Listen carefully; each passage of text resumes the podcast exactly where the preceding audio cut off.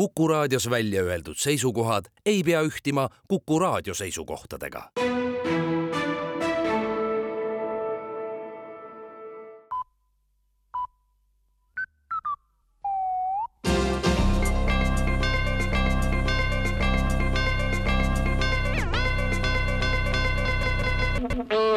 tere kuulama uudiseid, stuudios Rohke Debelak.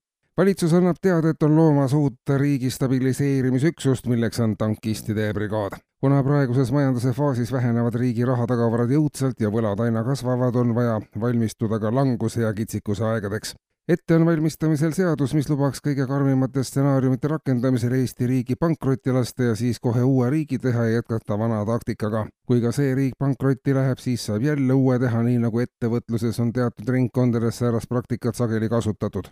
lõpuks ei ole ju tähtis see, et riigil oleks rahaasjad piinlikult korras, vaid see, et riigis oleks kõigil hea elada, märgib valitsus tankisti seaduse eelnõu seletuskirjas ühiskonna lõhestumine Eestis on jõudnud lõpusirgele, teatavad patrullpolitseinikud.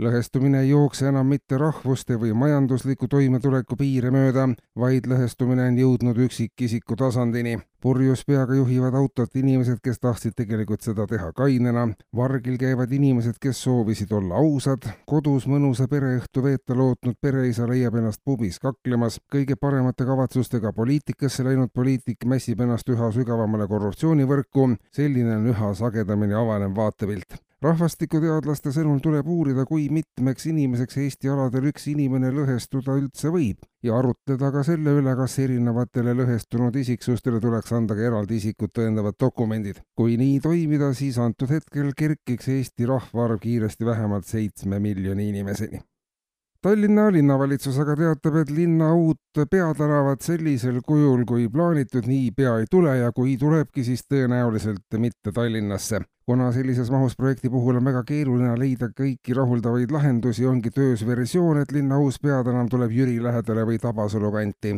kus on rohkem ruumi ja tänava rajamine ei ole ka kokkulepete ja ajamahukas. kui peatänav valmis, saab panna ka käiku Tallinna ja peatänava vahelised eribussid et tallinlastel ja linnakülalistel oleks võimalik Tallinna peatänaval jalutamas käia.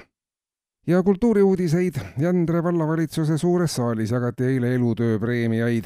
Kohal oli suurem osa vallarahvast ja laureaate jagus küllaga. vallavanem Ants Metsa sõnul teeb rõõmu see, et sel aastal on taas elutööpreemiate saajate hulgas palju noori. kõige nooremaks elutööpreemia saajaks oli neljateistkümneaastane kohalik noormees Kevin Kosk, kelle sõnul on tal nüüd juba enam kui kuus klassi selja taga ja rohkem ei kavatse ta küll elus midagi teha. noorte hulk, kelle elutöö on tehtud enne täisealiseks saamist, kasvab vallavanema sõnul iga aastaga. kuulsite uudiseid